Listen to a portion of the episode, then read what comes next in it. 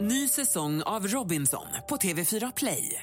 Hetta, storm, hunger. Det har hela tiden varit en kamp.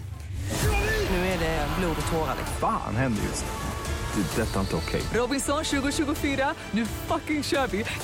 Streama söndag på TV4 Play. Eh, Jo, nu ska vi säga god morgon alltså till Bert Karlsson, en av våra gamla goda vänner. Som Eh, Välkommen Bert! Välkommen. Tack. Hur mår du idag? Jag mår bra. Ja, det är och lite du, eh, tidigt men annars är det bra. Men du imponerades också av eh, Så mycket bättre och Uggla här, hörde vi.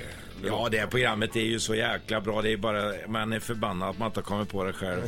Ja, men det är sjukt alltså. I, I och med att Stjärnorna på slottet gjordes Mm, så var det ju en variant där. Just det. Och det är ju fruktansvärt dåligt utav mig att inte komma på det.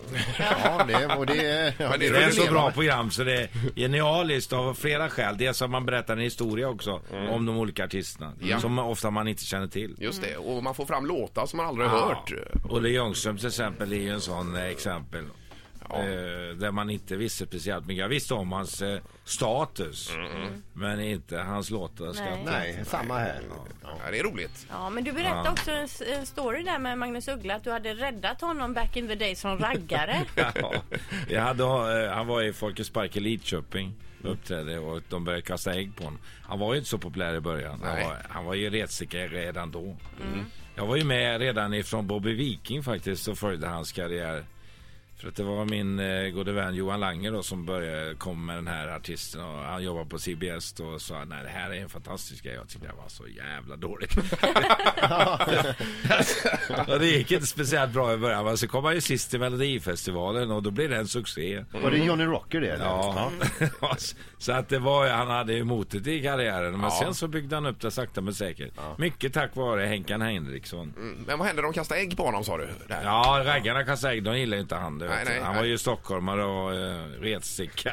Men, men idag är det annat och det, det, det är Ja, nästan samma absolut. utveckling som Thomas Di Leva. Absolut. Ja. Men vad gick du in där då och skyddade honom? Eller Nej, vad jag sa gick du upp på till- scen och sa till raggarna i Lidköping, "Ja, nu fan får ni skärpa er alltså, ni skämmer ut er. Ja. Och jag hade ju då ett diskotek i Lidköping som jag drev också, så jag, jag var arrangör till den här kvällen. Okej, så du kunde porta dem Så från du det? sa så här, Jag sa Jag att ni stänger kommer fan diskoteket. inte få någonting här i fortsättningen om ni håller på så här och förstör. Men, vadå, ja, de du, lyssnade faktiskt och eh, la av med det där Ja, det och de gjorde körde det. sin konsert. Ja, kanon. men du hade liksom en klubb i Lidköping? Ja, jag hade ett diskotek tidigt där. Ja. Och sen så ibland så gjorde jag lite större grejer. Då gjorde jag det i Folkets Park.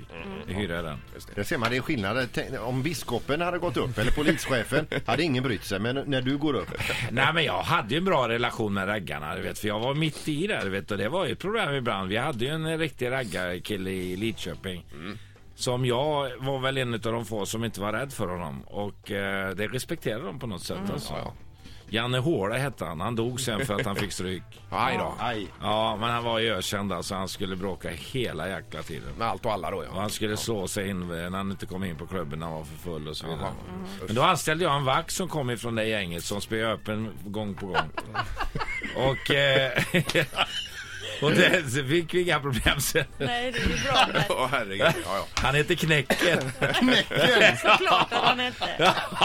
han kunde ta, han tog Selångens bandelag en gång och spöade dem allihopa när de skulle komma in. Oj då. Utan att betala. Då drar han upp ett helt bandylag. Han spöade spöade upp ett helt bandelag.